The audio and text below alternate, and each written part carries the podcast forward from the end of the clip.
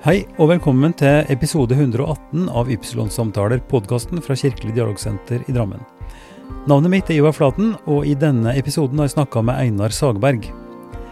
Han har realister og ingeniører langt bakover i familien, og trodde òg at han skulle bli ingeniør. Men da hans mor ble alvorlig syk, forsto han at legevitenskap òg var viktig og interessant. Og nå er Einar smittevernoverlege i Drammen, og har jobba hardt sammen med kollegene sine gjennom koronapandemien.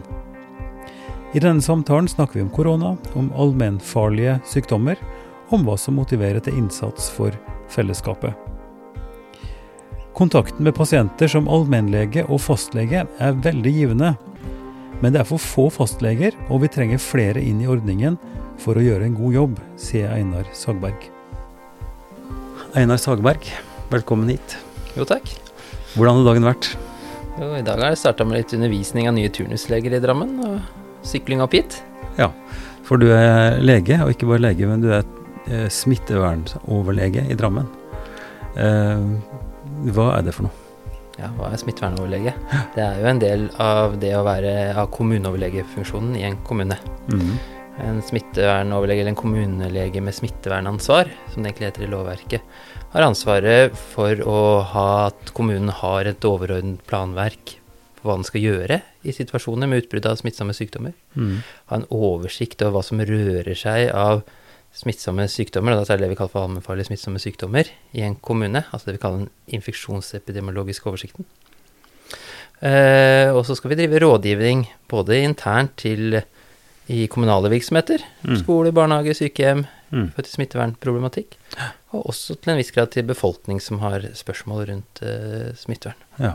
Vi følger oss opp uh, da altså utbrudd av uh, allmennfarlige smittsomme sykdommer, også enkelttilfeller av dette. Ja. Det får vi varslet fra andre leger som driver klinisk praksis, og så Mm. får vi følge opp de. Så fastleger er leger som får en pasient som man uh, funderer litt på hva det er for noe, og kanskje har mistanke til et eller annet, så får du beskjed. Ja, vanligvis så får jeg nok først beskjed når det er en relativt sikker diagnose. Ja. Det er det hyppigste Ja. av disse sykdommene. Mm. Eh, og det er jo sykdommer som vi ønsker å følge med på fordi at de kan eh, representere en fare for eh, alvorlig sykdom Mm. og utbrudd med store konsekvenser. Mm.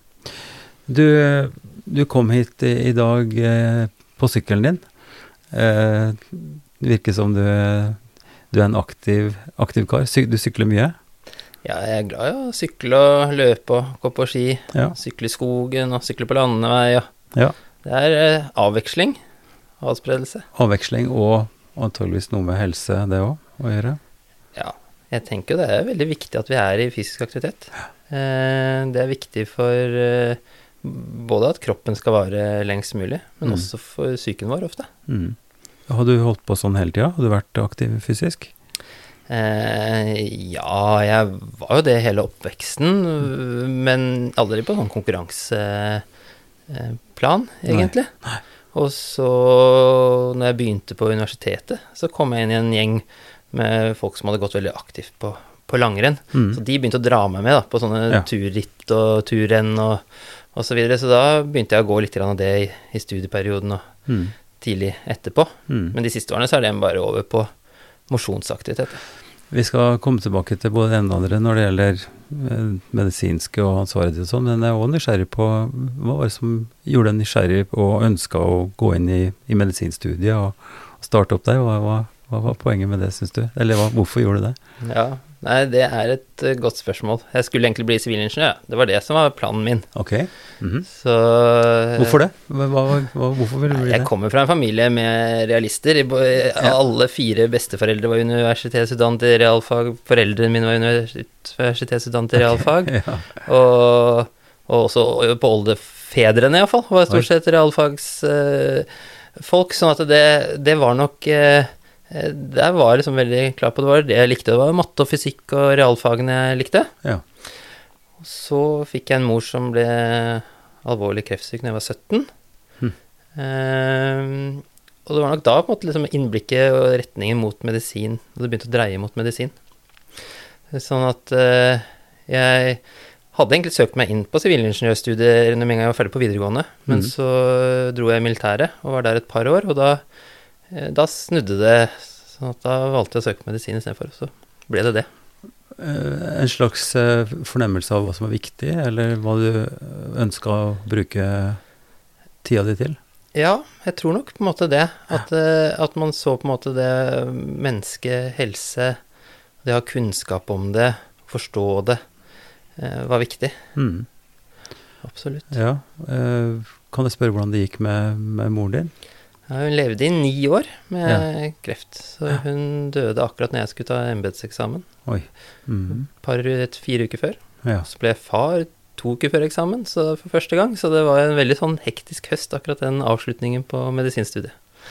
Sånn er det jo med livet. Det, det skjer ting hele tida, og en må leve i og med det. Men jeg syns det er interessant det du sier, at, at personlig erfaring og, og erfaring med nærstående, kriser kanskje også, at det gjør noe med, med livsvalgene våre. Det er, påvirker nok absolutt veivalgene Mm. våre. Det er jo ikke tvil om det. Spesialisering, da. Når du, når du da begynte med studiet, var det, det var, du, du gikk, så, så vidt jeg vet, du gikk ikke i retning av noe spesialitet på onkologi eller altså kreft, kreftpleie eller sånn? Nei, jeg gjorde ikke det. Men jeg var jo litt involvert i lindrende avdeling i Drammen da jeg begynte å jobbe i Drammen kommune. Mm. Nei, under studiet så var det nok Da var jeg en, så dreide en litt og litt mot teknologien, på en måte, fordi at jeg hadde lyst til å bli hjertelege da, i starten.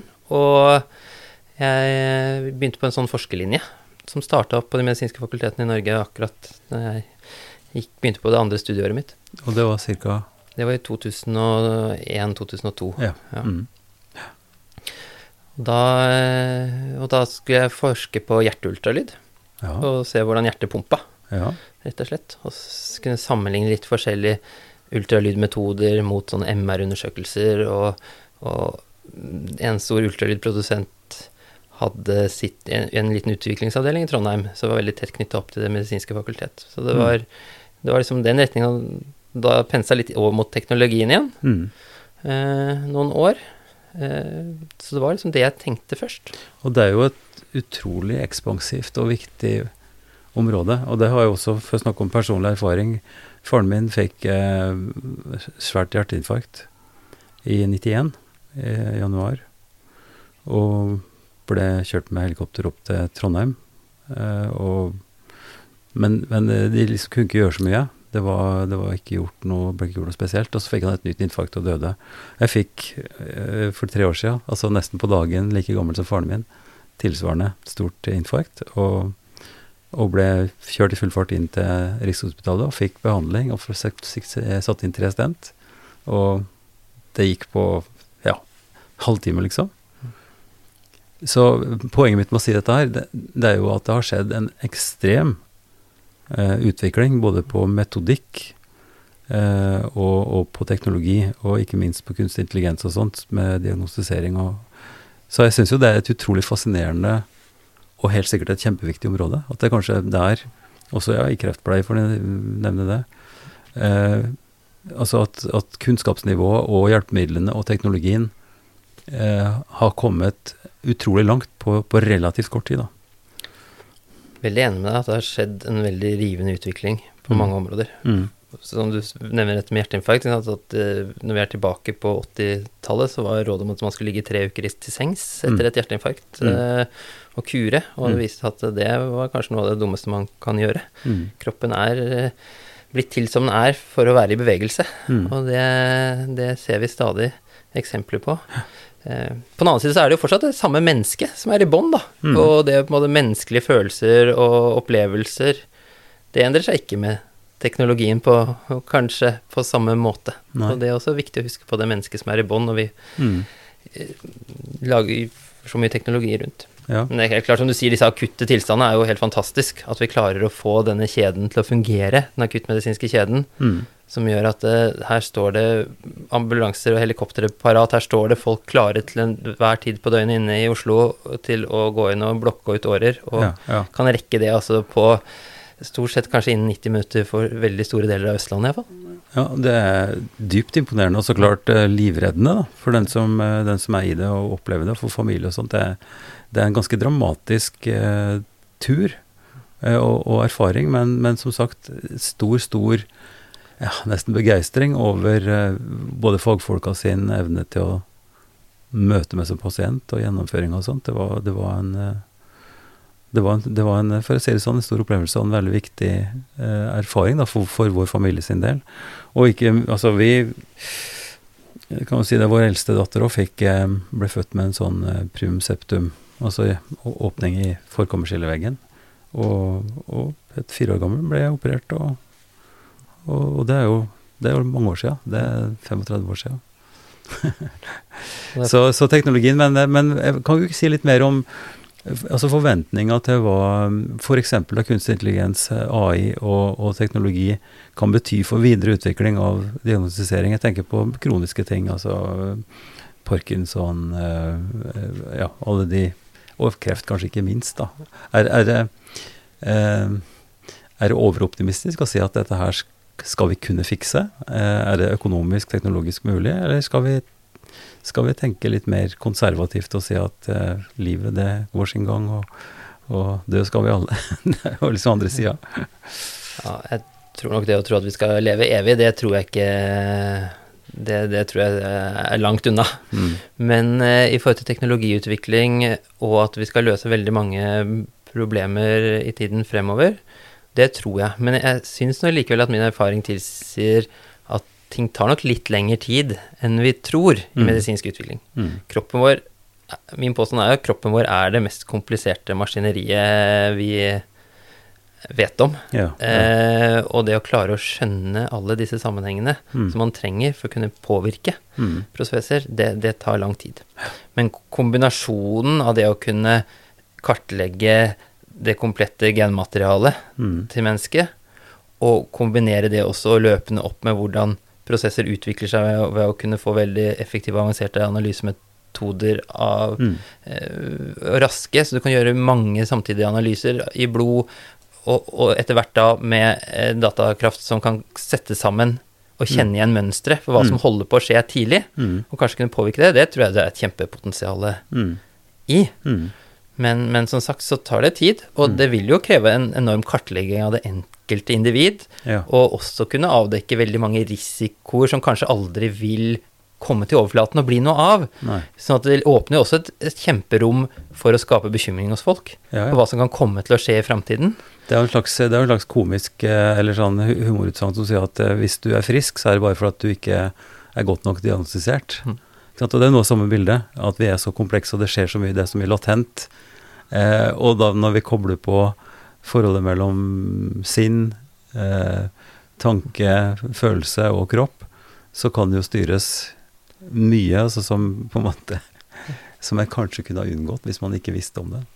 Nei. Og som du sier òg, den psykiske helsen vår påvirker den fysiske helsen. Mm. Eh, så, så, så, det ene er jo det, den forutsetningen, den pakken vi har med oss med genene våre. Mm. Men så er det det miljøet vi havner opp i alle de prosessene som oppstår der. Mm. Som gjør at det, det, holder ikke bare å lese av genene for å si noe om hvordan det vil gå. Nei. Det vil også være de utvendige faktorene som da må følges med på hvis du skal kunne, mm. kunne predikere hva, eller forutse hva som ja. kommer til å skje. Ja. ja. Nei, så det er et stort felt, og det er et åpent felt, men, uh, men utrolig spennende. Men, men, du på en måte la det fra deg litt, uh, og gikk i en litt annen retning? Ja. Uh, så begynte jeg å jobbe Eh, på siste året av studiet, eller nest siste året av studiet, eh, i en allmennpraksis i Trondheim. Mm. Jeg studerte i Trondheim. Mm. Og, og jeg ble veldig fascinert av det å jobbe på en måte i primærhelsetjenesten. Mm. Det å møte enkeltmennesker, og det ble jo bli kjent med folk, og, og, og, den kompleksiteten som egentlig er i dette her med i, i brytningen mellom sykdom og eh, og bekymringer eller bare undring, spørsmål.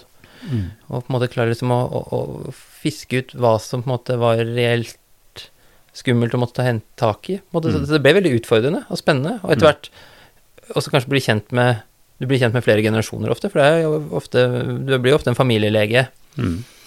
Så, så, jeg ble veldig fascinert av det med, med allmennmedisin. Mm. eh, på slutten av studiet. Mm. Eh, så kom den opp, og så kom jeg til Drammen i turnus. Mm. Og, og trivdes jo både på medisinsk avdeling og kirurgisk og ortopedisk og innom, så jeg tenkte jo jeg kunne jo jobbet alle steder. Eh, og så var det jo til slutt ut i allmennpraksis, Mm. også her i Drammen, eh, på Bragernes legesenter. Eh, og når den var ferdig, så var det en ledig hjemmel ute på Åskollen som jeg fikk, og da starta jeg opp eh, der i allmennpraksis. Mm. Har jo hatt ti veldig fine år som Mm. fastlege der. Jeg ser at, at en får en, en spesialiststatus som allmennmedisiner. Kan du si, altså, Det høres jo altså Allment er allment, det er hvitt, ikke sant? Men hva er på en måte Hva er allmennmedisin, som du også nevnte, som fascinerende? Det handler jo veldig mye om å, å se hele mennesket. Og både ha en for så vidt en grunn base av medisinsk kunnskap i bunn, og kunne mye om sykdommer i hele spekteret, Mm. men også på en måte klare å sette dette sammen til hva det betyr for den enkelte person, og hva som kanskje er viktigst å ta tak i, og også bidra inn mot forebyggende medisin. Mm. Så, så, så allmennmedisinen er jo det, og ikke minst det å kunne hjelpe folk med det som er av plager og bekymringer, og som nødvendigvis ikke er sykdom. Nei. Ja. Så, så det betyr at du har òg en slags overlapp av si, psykologi, eller menneskekunnskap, eller eh, rådgivning? Altså, du toucher jo nesten inn på, på presterollen her. Er, er legen en slags moderne prest? Medisinmann? I andre kulturer så er jo det en eh, veldig flytende overgang, ikke sant? Ja. ja, jeg tenker det er jo mange som kommer til eh, Altså, jeg opplevde som fastlege at jeg hadde en god del som var og pratet ganske jevnlig med meg, som ikke nødvendigvis kunne stille noe psykiatridiagnose på, men som trengte et sted å få lov å, å ta opp sine livsutfordringer. Mm. Og jeg tenker at presten har jo hatt den rollen i, i mange samfunn opp igjennom også. Ja, så, og, og i litt annen type krise, da. Men ikke sant, når en nærstående er gått bort med begravelsesseremonien, dåpsseremonien, et nytt menneske er kommet inn altså det Hele den der at du følger familien, eh, blir invitert til å snakke og forberede altså Alt det der er jo Du kommer liksom enda litt tettere på, i, inn i det personlige rommet, kanskje. Mens legen, da Du har jo tross alt kanskje litt mer avstand, men at du har eh, kontoret ditt Ja, ja. Nei, det, jeg syns det er ganske mye likt, faktisk, altså.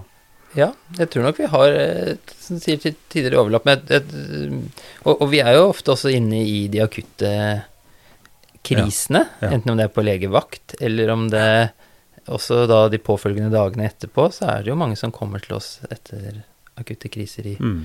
i familien, Mm. og man følger opp rundt uh, det som har hendt. Og det er jo eh, en stor styrke og må være veldig Det, det er erfaring jeg deler, ikke sant. Verdien av å kunne få komme så tett på og kunne være til hjelp, eh, faktisk. Men så er det jo eh, for allmennmedisineren og for fastlegen, og det er, jo, det er jo praktiske ordninger i systemet vårt. Du sa at det var en hjemmel som var ledig. Ikke sant? Så det er et slags system på at det skal være et nettverk av Kan du si litt om det? Hvordan det er skrudd sammen, og hvordan det funker? Hvordan fastlegeordningen fungerer, er jo ja. sånn at alle i Norge har jo egentlig krav på å kunne få ha sin faste lege og stå på en legeliste. Så det er liksom et slags ekko av familielegen fra gammel tid? At du har en som, som har en spesiell relasjon til deg?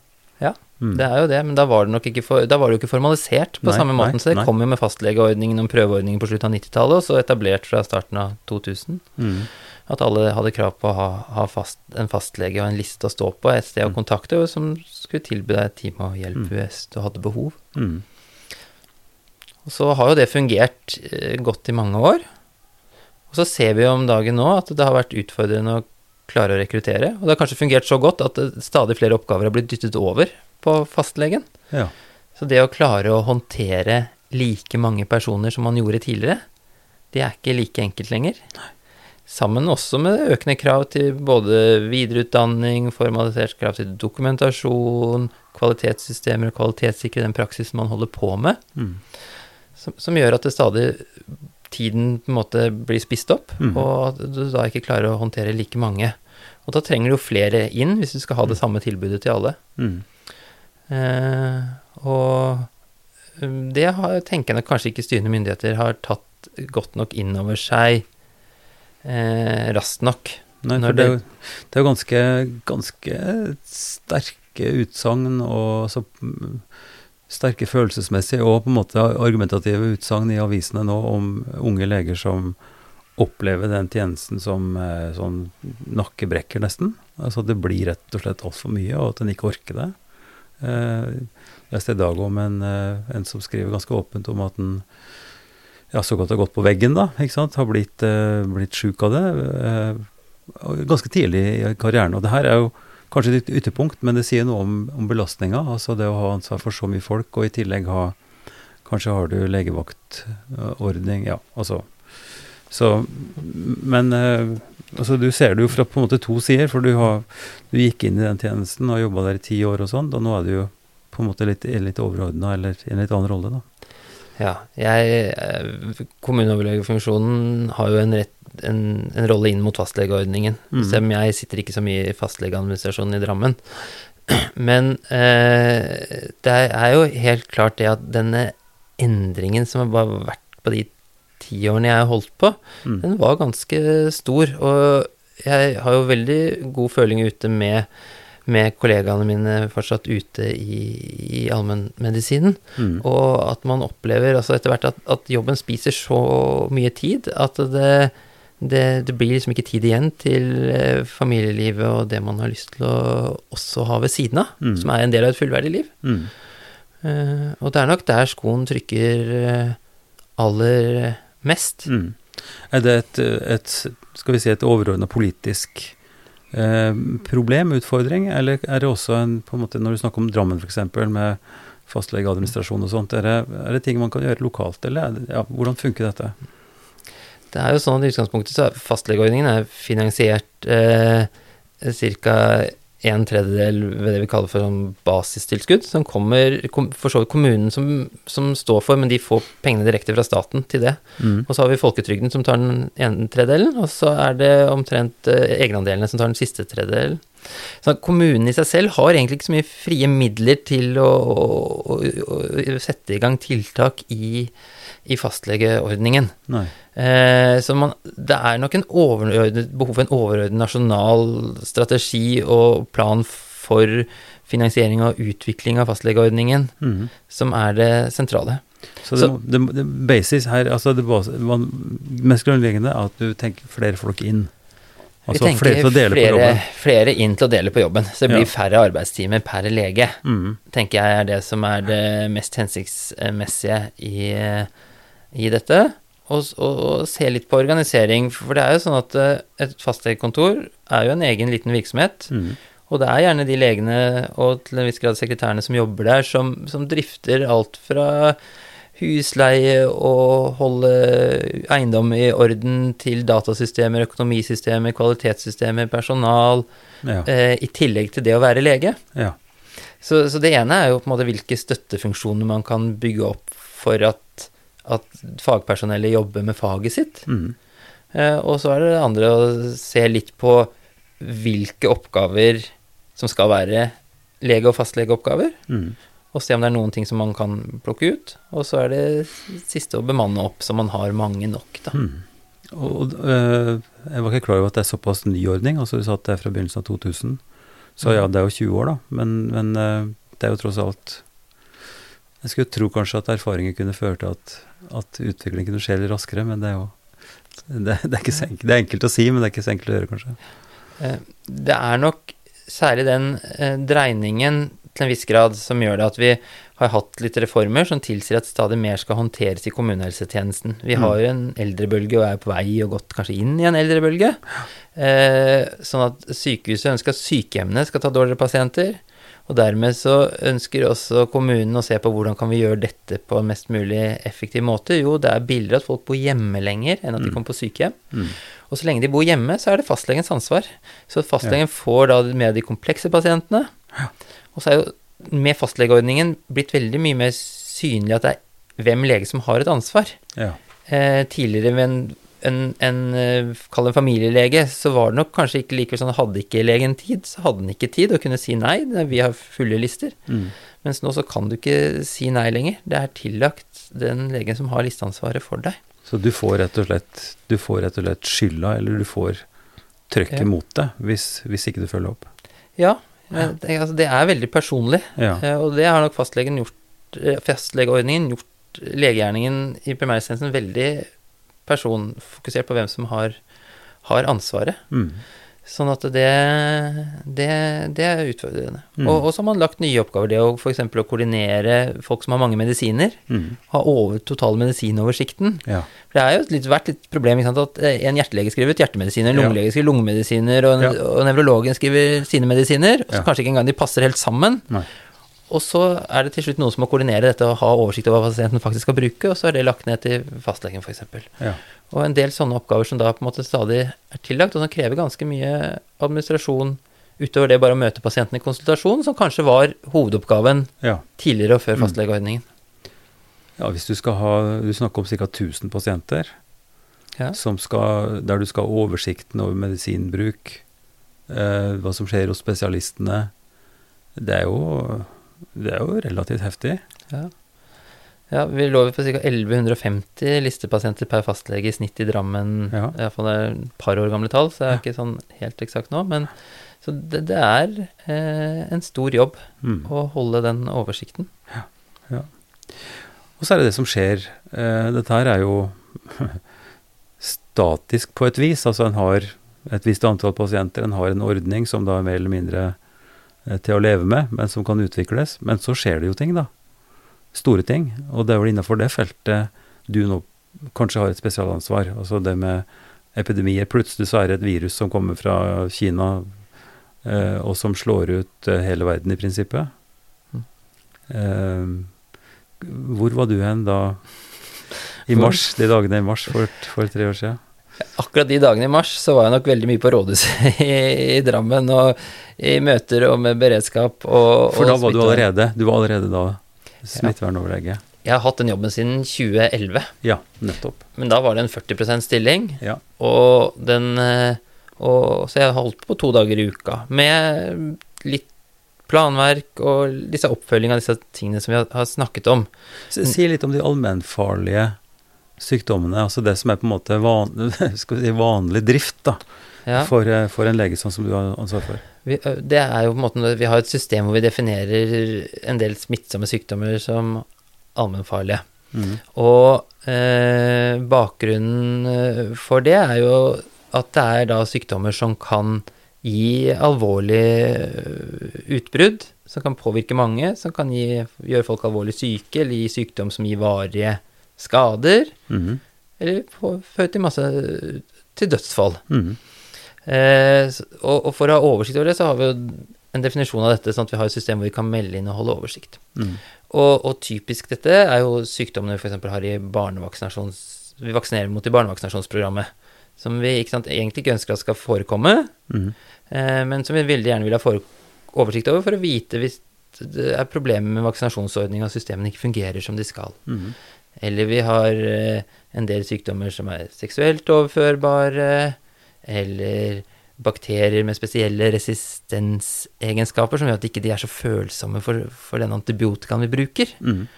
Kunne fange opp utbredelsen av det om det på en måte skjer endringer Mm. som gjør at vi må ta grep. Mm.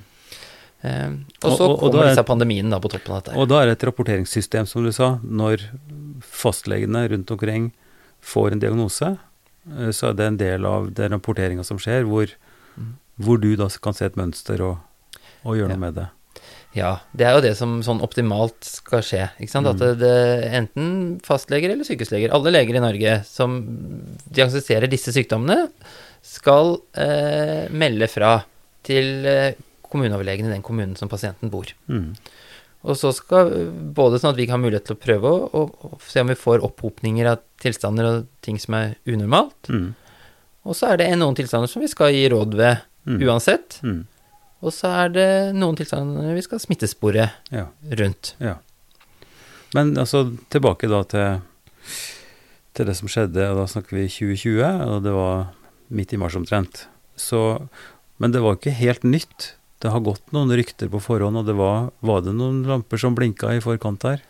Ja, lampene begynte nok å blinke ikke i Vi satt nok først ned de første smittevernrådene våre sånn i slutten av januar, tenker jeg. Mm. Så, så begynte vi jo å, å, å, å trimme organisasjonen. Og så er det klart, vi, En sånn pandemiplan hadde vi jo liggende til grunn, og det har vi hatt i Drammen. Den var min forgjenger som skrev i 2005, og så ble den jo revidert etter svineinfluensautbruddet, og så hadde vi hatt en revisjon på den i 2018. Så, så planverket hadde vi jo liggende Mm. til grunn. Men det viser seg jo når en sånn krise oppstår, at den blir jo aldri helt som du har sett for deg at den skal være når du skriver planen. Nei. Eh, så du får et veldig stort arbeid med å hele tida tilpasse deg eh, situasjonen. Mm. Og sånn den pandemien vi har vært i, og for så vidt er i fortsatt, Mm. Eh, sånne konsekvenser har man jo ikke sett siden 1918, og, og, og spanskesyken kanskje. Mm. Så det er jo over 100 år siden sist man har, har hatt epidemier som har gitt så omfattende konsekvenser. Men epidemier har jo forekommet typisk med eh, Og kanskje også pandemier med altså 10-30 års Mm. intervaller. Mm. Men de ikke nødvendigvis like, ikke like alvorlige sykdommer. Nei, og spanskesyken, som den ble kalt, den var jo, skal vi si, merkbar. Altså i familien min òg. Min mor var den yngste av ni søsken på Dombås. Og da var det tante som døde i spanskesyken, og hun hadde tre barn. Og de ble fordelt på de andre søsknene, slik at da fikk mor en fosterbror. Så de ble ti. Eh, sånne virkninger, altså sånne massive dødsfallsvirkninger, eh, det er ikke sammenlignbart. Nei, ikke i denne I Norge, i denne Nei. sammenhengen. Nei. Og det handler jo nok om at vi er utrolig heldige som har et så velorganisert samfunn, som vi Mm. kan målrette tiltak, og faktisk folk etterlever. Mm. Som gjør at, eh, at vi klarte på en måte å, å kjøre med bremsen på Mm. til man hadde en vaksine eh, som gjorde at vi forebygget eh, i veldig stor grad de alvorlige forløpene av covid. Si, si litt mer om det. Hvilke, hvilke bremser, og, og hva var på en måte det som ga, skal hvis vi kan si, suksessen, da, i en viss forstand, altså at det gikk såpass bra som det gjorde?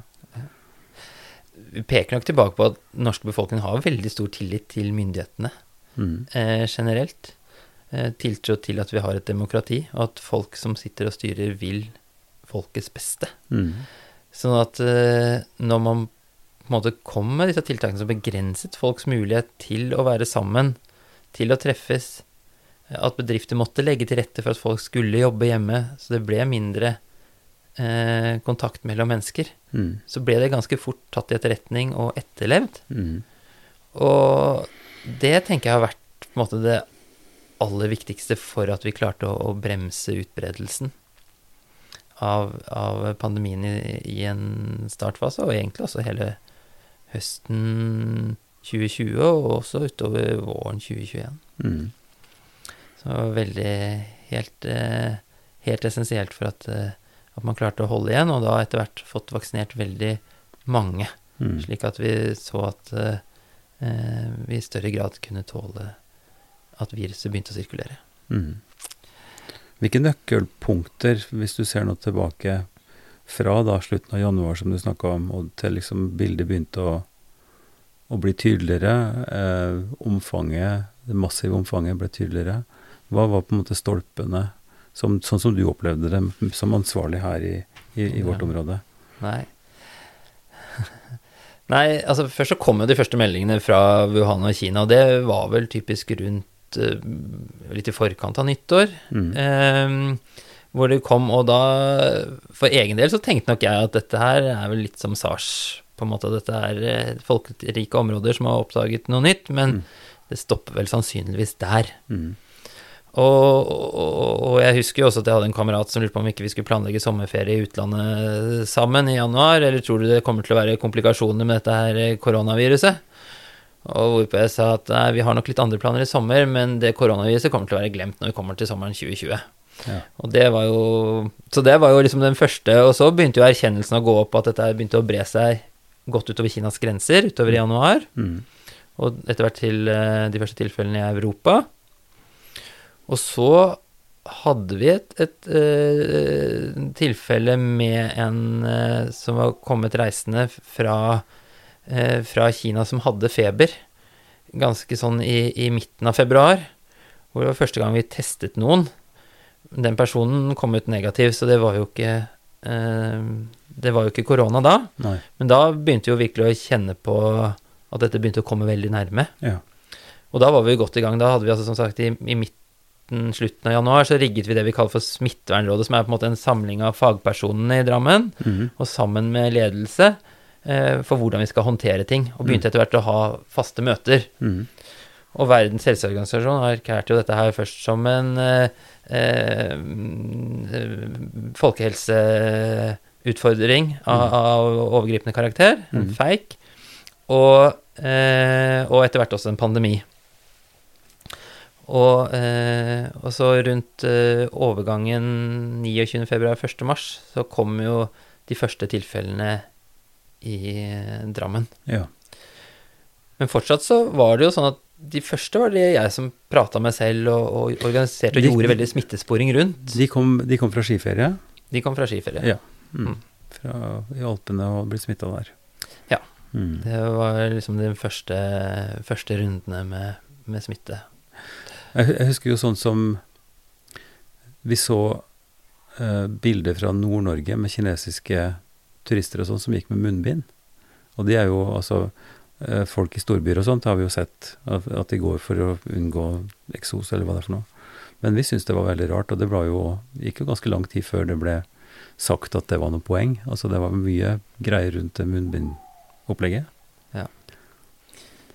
Og, og, og det var nok eh, Det var jo lenge vi trodde at det ville ha veldig begrenset effekt Mm. ved allment bruk. Mm. Fordi at bruken nok ikke kom til å være helt sånn som et munnbind er tenkt å brukes. Mm. Og det har vi vel sett gjennom pandemien, selv om det nok har blitt bedre underveis. Mm. Så er det nok eh, Det er nok veldig mye en signaleffekt i munnbindbruken. Mm. Eh, men det er nok kommet studier etter hvert som også viser i befolkningen at det også har en reell smittebegrensende effekt Mm. å bruke munnbind. Særlig innendørs, da. Mm. Utendørsbruk av munnbind, når vi ellers også naturlig holder litt mer avstand til hverandre, er nok veldig begrenset effekt, iallfall i forhold til koronavirus. Mm. Men innendørs i offentlige rom, og kanskje særlig inne på sånn offentlig transport, hvor det er relativt små volumer, hvor vi kan stå til dels veldig tett, Mm. der har det nok en absolutt en reell smittebegrensende effekt. Mm. Men det er nok en utfordring når disse hjelpemidlene blir brukt om igjen og om igjen uten, som egentlig er ment for å være et engangsinnretning. Mm. Tas opp og ned, og vi plukker på det på utsiden og innsiden med fingrene våre, og hvis det først har vært da noe i luftveiene eller som er fanget opp på den ene eller den andre siden av munnbindet, og vi får det på fingrene og vi setter det av andre steder igjen, så, så er det mange ting som også motvirker den effekten munnbindet skal ha. Ja. Ok, de første var på plass. eh, Første kom eh, identifisert, og så eskalerte det ganske fort. Hvordan var det å sitte med ansvaret der da? Ja, man ble nok litt urolig. Det, og, og, og, og det er jo sånn at denne smittevernloven legger liksom veldig sånn personlig ansvar på den legen som har eh, ansvaret. Så jeg følte nok litt på det i starten. Mm. Mm. Eh, Et veldig ansvar for disse som da var smittet, og, ikke minst det å på en måte prøve å stoppe smitten. Mm. Og, og kjenne litt på den følelsen når smittetallene bare økte på, Mm. og ikke helt klare føle at du strekker til. Eller eh, Ja. Så, så, man, så man, en god stund så kjente jeg nok ganske sånn personlig på det når smittetallene økte i Drammen. Det vil jeg tro. Problemer med å sove, eller? Ja, det har jeg sjelden, Mm. men det det, da, det blir ofte litt lite søvn. Så når jeg først liksom kommer til, til sengs, så klapper jeg stort sett sammen da, Ja, i de ja. situasjonene. Men det er eh, Så det Jeg hadde Jeg har kun et par netter hvor jeg har vært sovet dårlig pga. smittetallene, og det ene var i november i 2020. Når det virkelig eskalerte igjen, Mm. og virkelig følte at nå klarer vi nesten ikke å telle de tilfellene vi har. Mm. Um, så da ringte jeg en søndag morgen inn på Folkehelseinstituttet. Jeg har jo opp igjen, jeg har sittet i en jobb i ti år, så kjenner jeg jo ofte folk i, i systemet. Mm. Da ringte jeg inn og sa at dette her, nå begynner det å tårne seg opp for meg. Mm. Og da var de på pletten med en gang og hjalp oss iallfall med å rydde litt i våre systemer for hvordan vi kunne registrere ting. Mm. Som hjalp eh, veldig der og, og da. Ja. Så det Det er hjelp å få, faktisk, hvis, man, få. hvis man snakker. Hvis man gir uttrykk for ting, Ja. eh, og ikke låser inne. Det høres jo, høres jo riktig ut, men eh, Mm. eh, det er klart en kan bli engstelig sjøl når du har ansvar og sånn, men det er veldig mange som har meninger, da. Eh, som kommer med gode råd, kanskje, eller som vet bedre, eller som Altså, hvor, hvor mye har det påvirka, syns du? Altså, om du nå snakker om politikere eller enkeltpersoner som Mm. Eh, altså hvor, hvor er Ja, hva, hva, hva opplevde du av det? Egentlig veldig lite kritikk, tenker jeg. Ja, jeg. Hele veien. Mm. har vært veldig lite kritikk. Mm. Og som jeg sa, vi har hatt dette vi kaller for Smittevernrådet i Mm. Drammen. Mm. Og eh, som da kjernen har liksom bestått av, av en, oss samfunnsmedisinere. Mm. Og det har jo vært en veldig sånn støtte òg, at vi har, vært, vi har vært et team som har jobbet sammen med det. Mm. Og, og, og det føler jeg jo på en måte da med, med kommuneoverlegekollegene og, og også leder for medisinskfaglig virksomhet, som har, hvor vi på en måte i, de, de faglige utfordringene har stått veldig godt sammen og kunnet Mm. diskutere sammen. Mm. Og det har vært en styrke i som, Vi var jo en helt ny kommune, Mm. eh, Drammen kommune, eh, som en helt ny organisasjon, men vi var så heldige at vi i lederlinjene oppover også hadde samfunnsmedisiner, både som kommunalsjef og virksomhetsleder og ja, avdelingsleder, Mm. pluss at vi var noen kommuneoverleger. Mm. Og dermed så hadde vi mye fagkompetanse, som ikke Mm. var noe selvfølge, og som mange andre kommuner ikke hadde. Nettopp. Sånn at vi ble med en gang et, et team som kunne diskutere ting sammen. Og så har jo alle administrative ting holdes jo på en måte i en administrativ linje, men det som Mm. hadde som det smittevernfaglige, Mm. som vi satt med, på en måte, det, det kunne vi eh, det, det fikk vi liksom eh, Mm. diskutert, og, og, og, og folk har jo vært utrolig egentlig stort sett bare takknemlig over at noen måtte stå på og har prøvd å løse dette på Mm. best mulig måte, og rådgi og hjelpe til å forstå. Og som sagt, veldig lite kritikk av de tiltakene som egentlig har vært. Ja. ja. Eh, og de, den kritikken som har vært, har jo på en måte vært saklig og, og faglig begrunna, kanskje. Ikke sant? Hvorvidt Hvor mye skade som oppstår når du isolerer folk, eh, i forhold til at en har, har muligheten til å kunne møtes litt mer osv. Det har jo vært en ganske viktig samtale både for skoler og for utesteder og sånn videre. Ja, og det har jo vært på en måte veldig sunt at, at den måte er oppe. Og, og, og vi vet jo også at vi, vi sitter jo med to fagmyndigheter som er litt sånn på siden av hverandre med Folkehelseinstituttet og Helsedirektoratet, Mm. og de er ikke alltid helt enige. Men, men det er jo på mange måter en styrke, det òg. At det Mm. sitter faktisk litt to miljøer som ikke er Ja, helt ja. og som kan gjøre seg opp hver sine individuelle meninger og faktisk Må bryne seg litt på hverandre. bryne seg litt på hverandre Ja. oppover. I, så, så det tenker jeg er en, vært en, en styrke. Og, og de, kanskje da, særlig Folkehelseinstituttet, som har hatt veldig tett kontakt ned mot kommuneoverlegene, Mm. har vært veldig lydhøre for de innspillene vi har kommet med når vi opplever at det som kommer nasjonalt fra, ikke kanskje har vært fungert eller kommet litt skjevt ut. Mm. Så det har vært veldig korte måte, beslutningslinjer og veldig god dialog, tenker jeg, stort sett. Mm. Du var jo inne på det her med, med fag, eh, fagmyndighetene, og at folk har stor tillit i vårt samfunn generelt sett til myndigheter og, og høre på hva som eh, blir sagt. Eh, så har vi en stor, skal vi si, den store sektoren av frivillighet. Eh, hva, hva tenker du om, om den sektorens bidrag eller betydning i en sånn situasjon? Ja, jeg tenker at det har vært veldig viktig i Drammen, og særlig på det vi har sett i forhold til kommunikasjon med minoritet og minoritetsbefolkning. Mm. Og bare den erkjennelsen at vi som kommune kanskje ikke har et godt nok system for å nå ut til hele befolkningen vår. Mm. Og der har jo vært helt prisgitt den innsatsen som eh, frivillige organisasjoner og lag har, har lagt eh, ned i Mm. å, å prøve å videreformidle informasjon. Og det har jo vært delvis dialog mellom kommunen og kommunikasjonsfolk i kommunen for å hjelpe til med å lage tilpasset informasjon for frivillige som har ønsket å bidra ut med Mm. å hjelpe til. Mm. Eh, som sagt, både interesseorganisasjoner for minoritetsgrupper, vi har jo dialog, Mm. eh, og vi eh, ser jo ikke minst at vi har hatt disse helseambassadørene Mm. eh, som har vært ute og gjort en eh, kjempeinnsats. Mm. Ja. Men, det, men det er ikke det her et mønster og øh, faktisk at at det offisielle samfunnet, altså strukturene, eh, etater, ansvarlighetsorganer, må ha et, et samfunn å spille på. Altså det er en slags gjensidighet i, imellom det, det skal vi si, sivile, eh, personlige nabolagene, organisasjonene og, og, myndighetene. At det er en type robusthet, at det er en type eh, skal vi si, øvelse eller erfaring som, som, som, ikke kommer til å bli mindre viktig framover, ettersom andre spenninger og, og ja, problemer kan oppstå.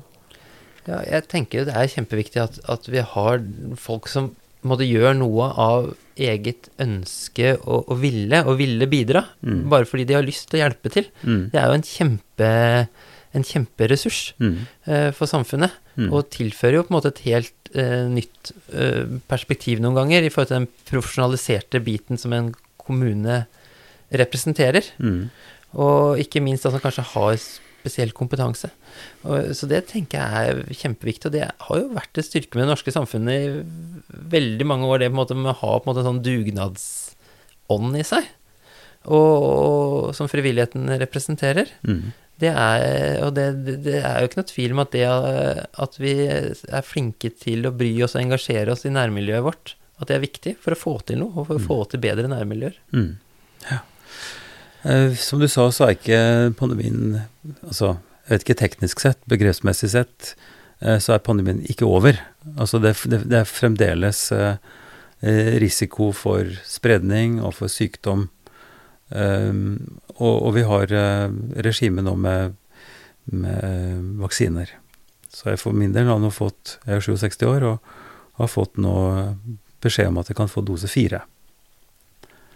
Um, og det er jo et eget område vi kunne snakka mye om, men uh, hvor utrolig det egentlig er at det var mulig å få framstilt en vaksine så raskt. Uh, og da er vi kanskje tilbake til det teknologiske igjen. Altså, hva var det som Hvordan vil du beskrive det? At, at det faktisk er mulig? Nei, altså vanligvis så tar det jo kanskje fem til ti år å utvikle en vaksine. Mm. Uh, det er, jo enklere når vi snakker om influensa, for der, der, er jo noe vi på en måte har, har, eksisterende vaksiner for allerede, så det handler om å tilpasse vaksiner. Mm. Men her så skal man utvikle en, en, vaksine mot et ny type virus. Mm. Og det har man jo aldri gjort den, i det tempoet før.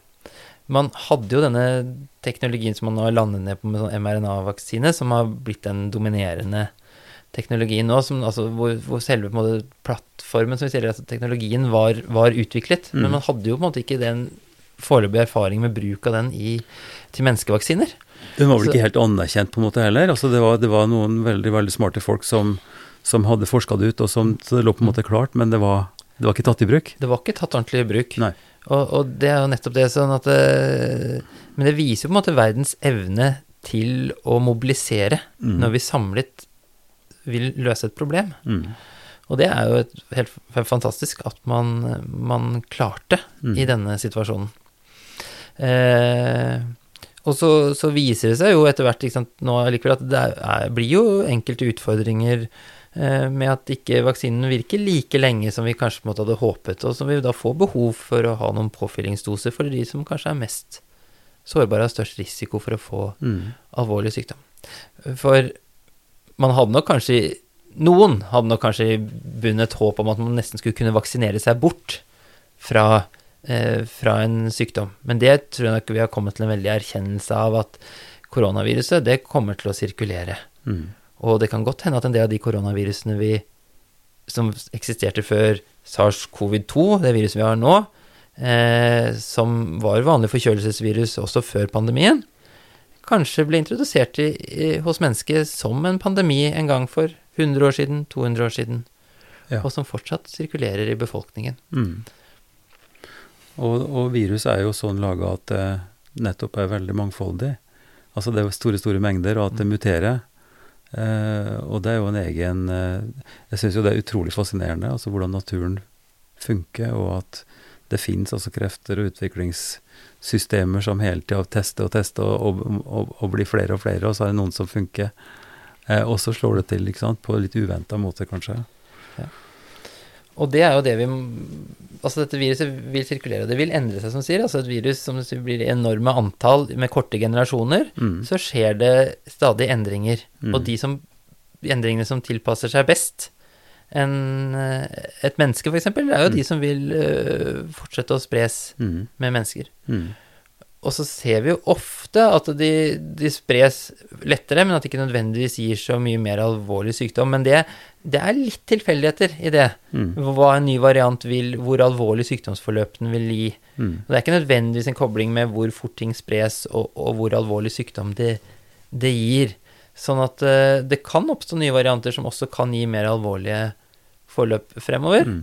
Eh, sånn at eh, vi har jo en veldig sånn beredskap nå, og det følges jo nasjonalt og internasjonalt veldig med på hvilke varianter som dominerer, og hvordan de er satt sammen genetisk, og hva, hvordan det på, påvirker sykdom i befolkningen. Mm. Og man bruker det som grunnlag for å se på og tilpasse vaksiner som da er mer effektiv mot de nye variantene som kommer.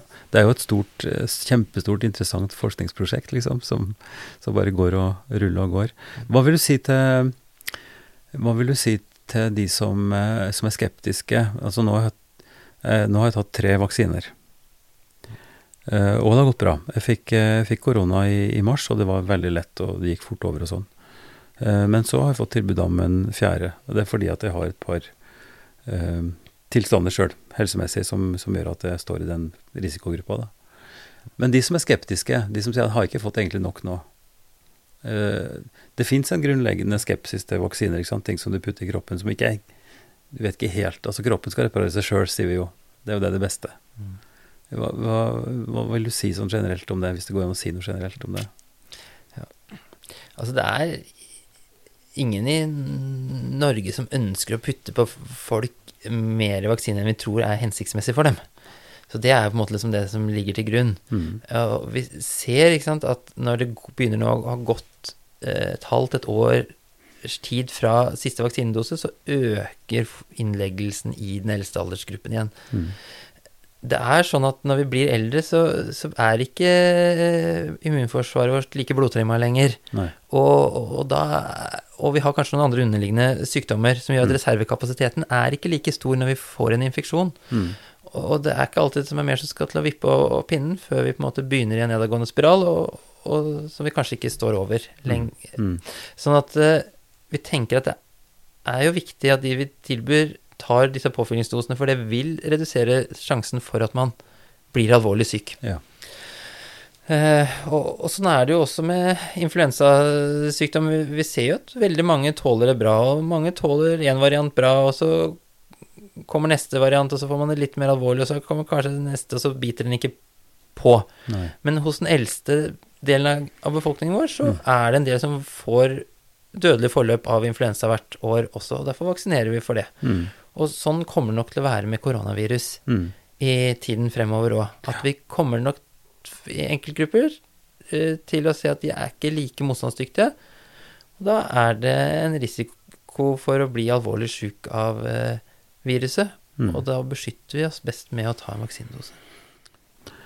For min del har jo eh, gjennomgått vaksineregimer og sånt på skolen. Eh, eh, BCG, som åpenbart har vært veldig viktige for befolkninga, og for, for, så klart for min del. Eh, hvordan ser det ut i dag? Jo, vi har jo et barnevaksinasjonsprogram i dag som vi har veldig stor oppslutning om. Mm. Og det gjør jo at vi holder kontroll på en del av disse alvorlige sykdommene, Mm. som skapte veldig mye alvorlig sykdom hos barn, eh, særlig. Mm. Meslinger, polio, Mm. som ga varige skader Mm. På nervesystemene våre, eh, og delvis også dødsfall, Mm. eh, som eh, blir eh, holdt i sjakk av at vi har funksjonelle systemer som folk støtter opp om. Mm. Vet at 6-97 av alle barn i Norge følger, følger opp barnevaksinasjonsprogrammet. Men så er det noen glimt av at du får tilbake igjen ting som en mente var utrydda. Meslinger, f.eks. Ja, meslinger har man aldri i verden klart å, å, å utrydde helt, men man har jo hatt en veldig god kontroll av det. Mm. Så ser vi jo når samfunn blir destabilisert, Mm. eh, hvor det blir politiske konflikter, det å klare å opprettholde vaksinasjonsordninger da, som skal nå hele befolkningen, Mm. det blir eh, utfordrende. Mm. Og dermed så får du gjerne lommer i befolkningen som ikke er vaksinert. Da ser vi at disse sykdommene har fortsatt det samme potensial til å blusse opp og gi sykdom, og også Mm. alvorlig sykdom. Mm. Så det er et forhold mellom eh, politisk stabilitet, eh, altså at det ikke er krig, eh, at folk får det de skal av mat osv., og, så og sykdom, naturligvis. Absolutt. Mm. Og, og du begynte jo med tuberkulosen, Mm. og, og BCG-vaksinen har vært viktig opp igjennom. Eh, særlig for å beskytte barn der også mot alvorlige tilfeller av tuberkulose. Eh, men der ser vi jo også at levekår var jo en kjempeviktig faktor for at eh, forekomsten av tuberkulose skulle begynne å falle i den norske befolkningen. Mm. Fra 1900 til 1950. Eller, Hvor først utpå rundt av pluss-minus 1950 at vi begynner å få virksomme medisiner Mm. mot tuberkulose, men forekomsten har falt ganske mye før vi kommer dit. Som handler om at man bodde ikke like trangt lenger og like tett lenger. Eh, vi skal ha eh, den årlige TV-aksjonen den 23. eh, oktober, og den går til, til Leger uten grenser. Eh, det er jo da en innsats som vi som nasjon gjør ved at vi banker på dører og, og samler inn penger, men, men de er jo nettopp ute i front både på katastrofer, men også på vaksineprogrammer. Ja, De er jo en organisasjon som prøver å nå ut i disse områdene Mm. hvor det er krig og konflikt, nettopp for å gjøre forskjellen og bidra til å sørge for gode helsetilbud, eller iallfall et minimum av helsetilbud ofte, Mm. i, i katastrofeområder. Mm. Og, og det er jo helt essensielt for at ikke utbrudd skal bryte ut. Mm. Både når vi snakker om disse vaksinen, sykdommene vi kan beskytte for med vaksine, Mm. men man ser jo også at sånne destabiliserende situasjoner skaper utbrudd av andre sykdommer som kan være ganske ufarlige når vi har gode systemer til å håndtere de. Mm. Kolera, f.eks., Mm. som vi har sett har blusset opp i en del eh, områder hvor, det, eh, hvor man mister kontrollen. Mm. Og da hvor dette blir dødelige sykdommer for mange, når det ikke er helsesystemer som kan ivareta dem. Mm. Så vi kan kanskje bruke anledninga nå til å si at folk kan krysse av den søndag 23. Ja, Eh, klokka halv fire. Mm. folk stiller opp, Ja. både som bøssebærere og gir til disse til TV-aksjonen. i Mm. år.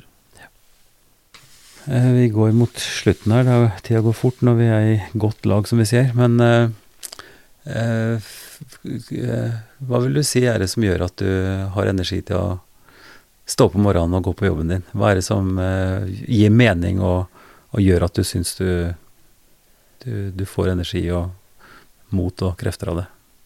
Det handler nok om at du føler at du gjør en forskjell. At det betyr noe, det du gjør, da. Det tenker jeg er, er veldig viktig. Mm. At du føler at det har bidratt gjennom pandemien Det har begrensa smitte i Norge. Det har sannsynligvis redda mange liv. Mm. Eh, og, og jeg opplevde jo også som fastlege at det var veldig mange som satte veldig pris på å komme til meg. Mm. Og det er klart at det er jo de tingene som holder det oppe. Mm. Og så syns jeg det er veldig koselig å møte kollegaene mine. Det gjorde jeg både på legekontoret og, og i kommunen hvor jeg jobber nå. Og det, det på en måte å ha den fellesskapet Mm. er jo også kjempeviktig. Mm. For man skal ha lyst til å gå på jobb. Einar Sagberg, takk for en eh, hyggelig samtale, og lykke til med viktig arbeid videre. Takk skal du ha. Dette var episode 118 av Ypsilon-samtaler. Vi er nå midt inne i Drammen Sacred Music Festival, eh, og det er ennå en lang helg igjen, så du kan få med deg konserter og, og utstillinger og andre ting i dagene som står igjen. Og du ser programmet på www.drammensacred.no. Drammen kommune støtter Ypsilon-samtaler gjennom eh, IMDi-midler. Vi har også støtte fra Barne- og familiedepartementet og fra Einar Juels legat. Vi takker for eh, tilbakemeldinger og innspill. Kom gjerne med forslag til samtalepartnere på mail ivar.krøllalfa.ifd.no. Vi eh, håper å høre fra deg.